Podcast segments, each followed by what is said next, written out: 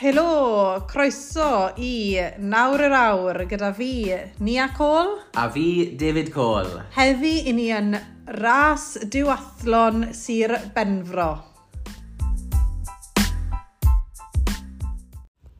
Bore da a blwyddyn newydd dda. Chi'n ymuno gyda ni heddi o diwathlon Sir Benfro yn Neiland. Dachrau tymor David Efynne, dachrau tymor 2024, dwi'n gweud David Efynne, dim ond David sy'n cystadlu bore yma. A dwi'n ddiolchgar iawn am ni, achos mae'r tywydd yn effernol fel arfer. Mae'n bwrw glaw a mae'n wyntog dros ben, ond dyma ni ddechrau tymor newydd. Um, David e ddim really wedi bod yn ymarfer yn specific iawn am hwn, achos yn un ganol paratoiadau fe am Marathon Llundain, sef ei prif targed am dechrau'r flwyddyn. Ond chi'n nabod David, mae fe wastad yn joio wneud diwathlon fel arfer yn wneud yn eitha da yn dyn nhw. A yn anffodus, does dim diwathlon Wildflower i gael yn y Botanic Gardens Lenny. Mae'r cwmni sy'n rhedeg y diwthlon yna wedi um, dod i ben. Oherwydd, wel, oedd, ddim reputation gret dan o tu allan i'r wildflower gwir gwir wrthych chi. O'n i'n wastad yn mwynhau'r um, y ras lawr yn yngerddi'r botanig, ond uh, o'n nhw'n cynnal rasis dros Brydain i gyd, a o'n nhw ddim yn gwneud jobyn cystel rhwch chi fel ni yn rai o rasis eraill. Felly, dwi jyst yn gweld David yn bennu ei uh, warm-up nawr a dod nôl i'r car i ymuno gyda fi. Bore da, David? Bore da, Anis. Mae nawr yn 10 munud bant o ras i ddechrau. Sio ti'n teimlo? Bach yn nervous. Um, Sa'n gwneud ras ers, uh, wel, multi-sport ers y World Champs yn, yn Nis Llynedd e. So, ydw, nerves wastad yr un peth cyn, cyn drwy'r ras da a dyw'r tywi ddim yn gret. Na, mae'n ma eitha diflas o'r oedd i ni. Sio mae hwnna'n mynd i effeithio ras, ti'n um, credu? Fi'n mynd i goffo redeg yn galed, fi'n moyn redeg yn galed, mae'r ma ymarfer redeg yn mynd yn eitha da, a wedyn fi'n goffo bod yn eitha falus mas ar y beic, mae fe'n eitha technical course. Mm. Um, mae fe i fod yn slick, wyntog, so... Um, ie, yeah, mae eisiau fi ystyried yna pan fi'n mas ar y beic update mae David nawr mas ar y beic. Um, wrth i'r ras dechrau, sylwys i ar doi bachgen ifanc, a maen nhw yn really, really ifanc, ond o'n nhw mewn kit um, England Trethlon Development Squad, sy'n meddwl bod nhw'n cael eu hyfforddi gan Trethlon Lloegr. A basically, fam dath David nôl o'r 5 km cynta, oedd e'n arwen grŵp o tri, sef fe ar doi bachgen ifanc. Ond really dechreuodd y ras yn Transition 1 A nath y bachgen sy'n ennill, Will yw enw fe, um, transition mewn 16 eiliad. Oedd ei e Henry sy'n ail, 20 rhywbeth eiliad, a David 38 eiliad, yn fel arfer bydde 38 eiliad yn really gloi i'r safon i ni'n arfer da. Ond, pam ti'n siarad i pobl sy'n cael ei hyfforddi, ti'n meddwl, transitions cyflym sy'n hyfforddi ar gyfer sprints Olympics, um, mae'n gwahanol stori. Ond, um, Ie, yeah, mae David nawr mas ar y beic. Oedd e gadodd y e transition tua 20 eiliad tyn ôl ar y nillydd. So fi'n gwybod nawr, hwn yw'r peth, part gweitha fi o'r ras, achos fi'n gwybod bod David yn mynd i fod yn seiclo am o'r gloi mae fe gallu mas ar y beic. A mae'n anhala fi'n nervous dros Ben. Um, fi jyst really'n gobeithio bod yn saff mas na. A gan i weld, tywod, oeddi profiad David, cryfder David yn mynd i fod yn fydd iddo fe yn, yr, yn y gwynt ma, yn y hedwynd ma, yn y glaw ma. A oeddi yn mynd i cael ben a wneud amser nôl lan ar y boes ifanc ma, ond tywod, generation newydd o, o traethletwyr, doi frawd ifanc, tywod, sy'n hyfforddi gyda traethlon Lloegr, falle bod David yn ras yn erbyn y Brownleys nesaf, pwy a wyr, ond um, yeah, byddai lot o busach yn oedd David nôl wrth y beic, sa'n really becso cynta, ail, trydydd, dwetha, as long as bod yn ôl y mewn un pishin, na, na gyd sy'n bwysig i fi bob tro, ond ie, um, yeah, rai, roi update arall i chi yn y fan. Dwi'n ôl yn y car ac yn ymuno gyda fi, mae enillydd. Diwathlon fenfro, 2024, David Cole, David Cole, sio mae'n teimlo? Oh, ti'n mo'n really, really good feeling nis, ti'n bod? Um, o, oh, dde'n anodd, o'n i'n gwybod ni o'n ras yna. Um, oedd doi crwtyn ifanc, 15-16, a... Will a Henry. Wyn nhw yn briliant. O'n i'n meddwl wrth ni'n yn y ras, God, ydw i lan erbyn fel the next Brownlees ylun neu rhywbeth, achos yeah. redes i yn gryf am y, am y 5k cynta, des i mewn yn, yn fel 16 rhywbeth, a o'n i redeg 5 minute milings, a o'n i just ffili colli nhw. Yeah. O'n i fel, ww, mae'r ddoi ma...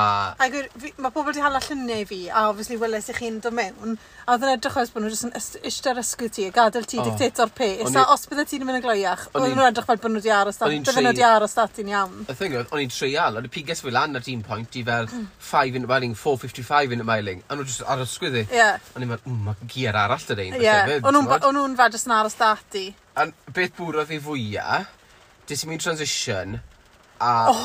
hedfanodd un o'n nhw trwy transition. Honestly, nes ddim i even wele. 16 eiliad. O'n i'n meddwl ni'n an, nath o newid shoes. O'n i'n meddwl, waw, o fe. A usually, to sain... Fi usually cyfryma yn transition. Yeah. A nath hwn neu fi edrych fel absolute Na, do, no offence. amateur. Do. O, oh, na, fi'n gwybod. O'n i'n, ar pwynt na, o'n i'n trwy meddwl fi, mae rhain yn trai academies. Mae rhain wedi cael ei dysgu... Lloegr. Yeah, mae rhain wedi cael ei dysgu'n iawn yeah. o siwt i wneud transitions. A... O, o'n i'n meddwl, hw. So, o'n i ar y beic, gwneud unis. Mm. A... Um, Gysi dala da car. So, gadis ti transition 22 eiliad tu nôl yr enillydd ar y pryd. Ie. Yeah. A ti siarad ti deg eiliad tu nôl ail safle. Do, so, dales i boi yn ail safle yn syth, achos yeah. oedd car i gael. Yeah. A o'n i'n, oedd e'n pryderu beth ti mynd heibo'r car. Ie. Yeah. So, galwe gweiddes i nôl at y motorbike, yeah. dictato, using my years of experience. Yeah. Can we go? Can we go? Tony, ddim moyn penalty. Na, na. A wedi e, if it's safe, gweiddo dde. Yeah. So, gweiddes i'r boi, o'n i'n meddwl, o, oh, i'r bachgen ifanc. I'r bachgen ifanc if it's safe, you can go. Yeah. So, a e, yeah. a eis i da fe, a wedyn o'n i fel, reit, pawa i gwerfain sa fe, eis i heibo fe ar dechrau'r rhyw. A wrth fynd o'n cornau, weles i yr ail, y gynta, yeah. ond cymerodd e fi nes y roundabout reit ar y top, tua deg i mynd i ras i mynd heibo fe. Wel, David, o'n nhw mor fach, mor ysgawn, o'n nhw ar road bike, so mynd lan rhyw, bydden nhw dar advantage. O'n nhw, o'n i ddim yn dala nhw mynd lan rhyw. Na. O'n pan des i'r fflat, es i mewn i ddeir opposition, o'n i'n mynd trwy'r gwynt yn grif, a yeah. i heibo nhw. A twod, twod ti'n gwyfon am y ti, e- oedd e bach yn nerfus y beth ti, mynd o gwmpas car. David, so nhw hyd yn oed digon hen Na. i dreifo. Ond... Twod, so nhw'n arfer i fod ar ewl, y fe? ond jyst yn... Amazing. O talent yn nhw. O'n nhw. Real talent. A oedd yn neis i fi cael bod mewn ras. Cos even yeah. pan o'n i mas ar y beic, fel arfer fi'n fi, fi teimlo un o, even os da mewn yr un amser ar y beic, bacau ryn fi i ennill y ras. Ond o ti ddim... Ond o'n i ddim yn trwy mas. So o'n i'n meddwl wrth ni'n even os da mewn gyda nhw ar y beic, maen nhw'n mynd i mynd trwy'r transition yn gloiach na fi. Odin. So os da ddim bacon ni na ni ennill y ras, os da mewn yr un amser nhw ar y beic. So o'n i'n meddwl, mae eisiau 20-30 seconds yna i fan hyn. Ie. Yeah. A so goffers i gweithio'n reili galed ar y beic. A, a sa i wedi bod yn neud lot o ymarfer ar y beic, achos fi wedi bod yn redeg, redeg, redeg. A fi wedi bod yn gryfach na beth weni ar y beic heddi, ond oedd e dal digon da i fi cael agor lan gap diogel y seis o, o falle munud nes, bydde ti'n gweud? Mm. Um, Wel, i gwir y gwir sa ti, pam des ti'r junction top fyna, redes i lawr i transition, so weles i ddim ail saflen do mewn, so sa'n siŵr o'r gap, ond yeah. oedd e'n sic... Wedyn ni bod yn mwy fel doi fy'n nid, Yeah. A oedd trydydd yn eitha bell yn ôl eto, yr un bach ifanc. Dalo nhw'n gili, oedd e'n fel photo finish rhwng o ddoi nhw. O, oedd e? Oedd. A real Bramleys. Yeah. Uh, Ta beth bydde'n gwd, fel os bydde tad nhw'n folon, os fi'n meddwl bod nhw wedi mynd i'r car, ond bydde beth ag i cael chat yn nhw. Loc nhw fyna. Bydde. Efa i gofyn yn nhw? Ie, yeah, good. Wow, well I'm welcomed here by Will and Henry. Which one of you was second, which one of you was third? My husband told me it was a sprint finish for the line. Yeah, we're not sure. You're not sure? Oh wow, that's amazing. So Is it true that you are going to be the next Brownlees? Because that's what David's telling me. Hopefully. Hopefully, yeah. So 15, 16, second and third year today, and your dad told me that you were up at three o'clock this morning, oh. travelling down from Exeter, is that right? No, up Lyme, Lyme Regis. Oh, right, okay. So it was an early start? Yes, definitely. And you've been, you were uh, racing last weekend as well? Yes. Wow. So what's the big goals for this season then? Well, just hoping to do well in the Super Series, really. Hoping to get into next gen would be quite good as well. Yeah. So is that in the English Super Series? Are you going to be coming down for the Welsh Super Series as well? uh, English mainly. yeah. English, yeah. Oh, amazing. So what did you think of today's race? You're both shivering, so I think you found it quite cold, did you? Yeah, it was freezing on the bike. We should have worn gloves, definitely. Yeah, Yeah. yeah. You'll know next time when you're coming down What to happened? Wales. What's brought? Congratulations, boys. What's, what's brought you down here today? Why you come down here to do this race? Well, we're just trying to get the training up, get back to it for the Super Series, really. How many hours a week do you train? A lot. Yeah. Uh, It's a lot of swimming and then, you know, Swimming every day yeah, every day. But before school. No, only well, on Friday. Only on yeah. Fridays. Oh, right, Fridays okay. before school. But that's because we have to get up quite early to do that. So Yeah. because we how- train in Exeter. How long have you been doing it for, the sport? Well, Mum was a runner, so pretty early. Yeah. Yeah. I mean, we started doing. We probably started doing triathlon when we were about what ten. That's when I did my first triathlon, Brilliant. and he was probably about eight. I mean, I knew I'm double your age, if not more. So I've been doing... You are, you're 35. Yeah. You can't even put them together. I know. and that's a, I do a lot of Ironmans and longer distances. But I knew I was in a race, the way you were both went through transition and I was going through the I started the run, I thought, oh, I'm trying to pick it up five minute mile in here. I'll put a little burst in to see if I can go 4.55 and I was just there, you were both on my shoulder, I was like, right, I'm in a race here. Mm. and uh, the way you both flew through transition, I was like, oh god, these are, these are in a proper These are triathlon, serious. Yeah, so no, it was a One of you went through transition in 16 seconds. That would have been Will. Yeah. Yeah. Wow. I'm So- pretty quick on the first transition. It's just the second. it's so one, cold. yeah. It's hard even to get the helmet Yeah. off, wasn't it? Oh, especially yeah, in the second transition, that was like a night. And it couldn't get your shoes on because you just couldn't even feel Yeah. if you had it on or not. That took about two minutes. I know. Yeah, nice. It was cold, but um, Ridiculous. And you couldn't feel your feet in the second run at all. No. But, uh, yeah, because uh, I uh, I wore my Alf flies today, mm-hmm. and I mm-hmm. found they're a lot. They're very stiff to try and get on. They are. And they, not, get my foot not in. good for uh, transitions, are they? Not particularly, no. No, no, but uh, oh, typical Pembrokeshire weather, wasn't it? Yeah, welcome to Wales, boys. Yeah. well, well, well oh, thank done, you anyway. so much for joining us on the podcast, and you know, once, once you're famous and well-known triathletes, we'll get you back on once you're like racing for GB. Thank you. Yeah.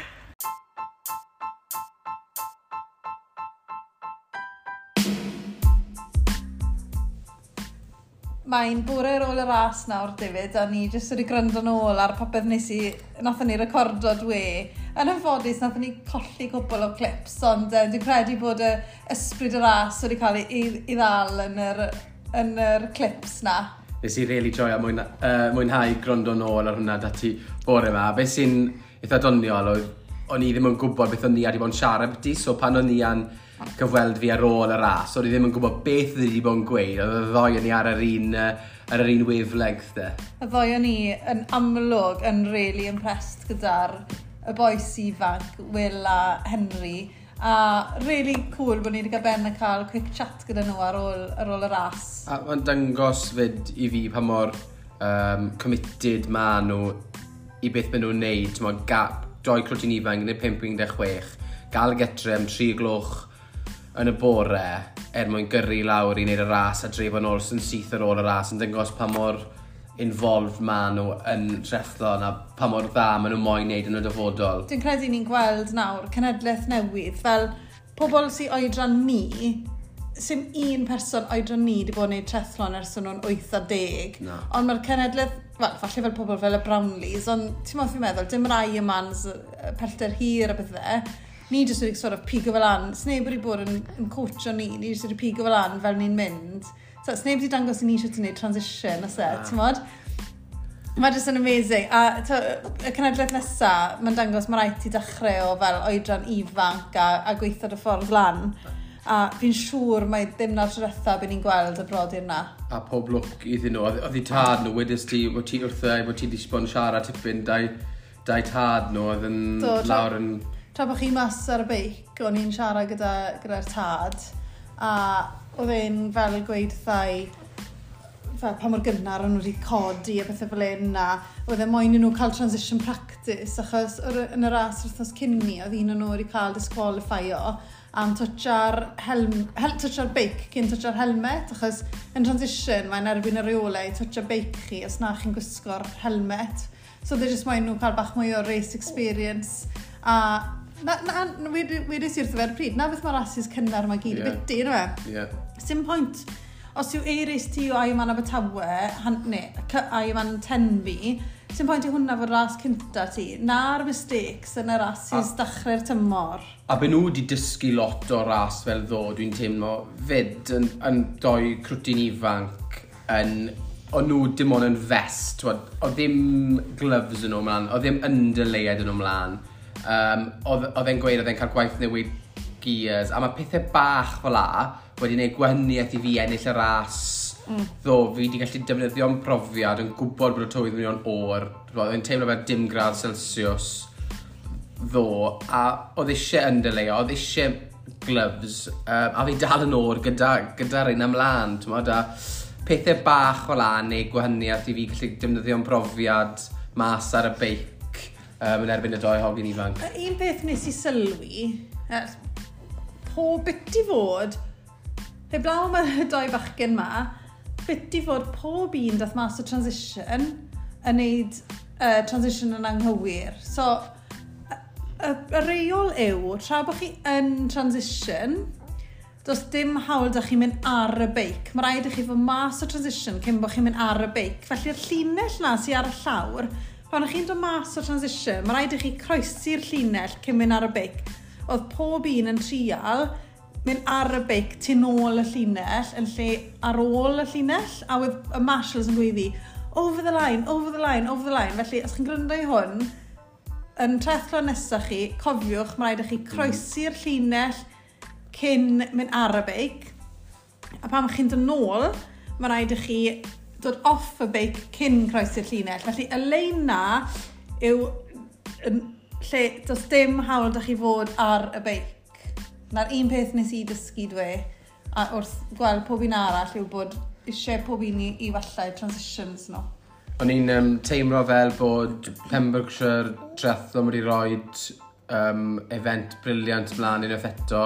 Tywydd ddim yn rwydd iddyn nhw, oedd hi'n wyntog ac yn arw ar y, ar y, ar y seafront fyna um, bore ddo, ond oedd y set-up nowy wedi da nhw, um, o pobl yn benni o'ch chi'n cael y, y, y, y, y trophies a botel a prosecco yn syth ar ôl, ar ôl bennu, mod, oedd ddim lot o hongen y biti yn y gwynt ar, ar, ar glaw, a nhw wedi rhoi, oedd y marshals yn wych, oedd y, oedd nhw'n siŵr bod y cwrs yn saff, pawb yn gwybod le maen nhw'n mynd, a mae nhw, ma fe wir yn ras dda lleol um, i wneud. Fe byddwn ni'n awgrymu fe, fe i unrhyw un. Ie, yeah, fi'n fi sicr yn, yn gytuno gyda ti fyna, David, ti'n modd, yn sefyll y biti uh, am y ras i gyd, o'n i'n gallu gweld pa mor galed oedd y marshals yn gweithio, pa mor galed oedd fe Div Astins yeah. um, sy'n trefnu ras a pob un o uh, um, clwb trethlon sy'n benfro'n gweithio Oedd e'n really gyfeillgar, vibe really nice, pob un helpu gili, chmod, dim cwmni sianed arian yw hwn, ond jyst rhywun yn cwmni, yfad, yw clwb yn trial roi ras dda ymlaen i pobl yr ardal, a fi'n credu nath nhw job un gwych. Do, a eithon ni wedyn, oedd ni wedi bennu eitha cyflym, a ddim yn rhoi ni hongen y biti ar ôl y ras, a fi a ni am, am coffi a bacon roll yn y caffi with 5 munud o wac ar, ar y ffrant Um, lle bach neis, oedd i'n is yn mwyn cael coffi a, a cacen a bacon roll ar ôl y ras a nathon ni gyrru rôl i tîn rieni a, i, i, i gweld y boes o'n i'n ffodus bod mam a dad wedi cael Harry a Freddy yma bore achos oedd hi ddim yn fore i nhw fod yn sefyll mas yn y gwynt ar glaw lawr yn, yn Neiland yn, yn cefnogi felly ddiolchgar eto i, i mam a dad am, am gofalu ar ôl y boes fel bod fi gallu raso fel bod ni a gallu dod lawr a a bod yn number one fan fel mae wastad yn, wastad yn neud i fi. Edrychwch ar um, socials, ar Instagram de, DC Triathlon Coaching, os chi'n moyn gweld mwy o fideos o bethau o ras. So ni'n gwybod pryd fydd yr episod nesaf yn dod, mae bywyd braidd yn brysur ar hyn o bryd, ond unrhyw bryd bydd rhyw ras gyda ni neu rhywbeth gyda ni siarad ambyty, byddwn ni'n nôl gyda penod newydd o nawr yr awr. Diolch i chi gyd am rando am stico gyda ni. Diolch yn fawr iawn.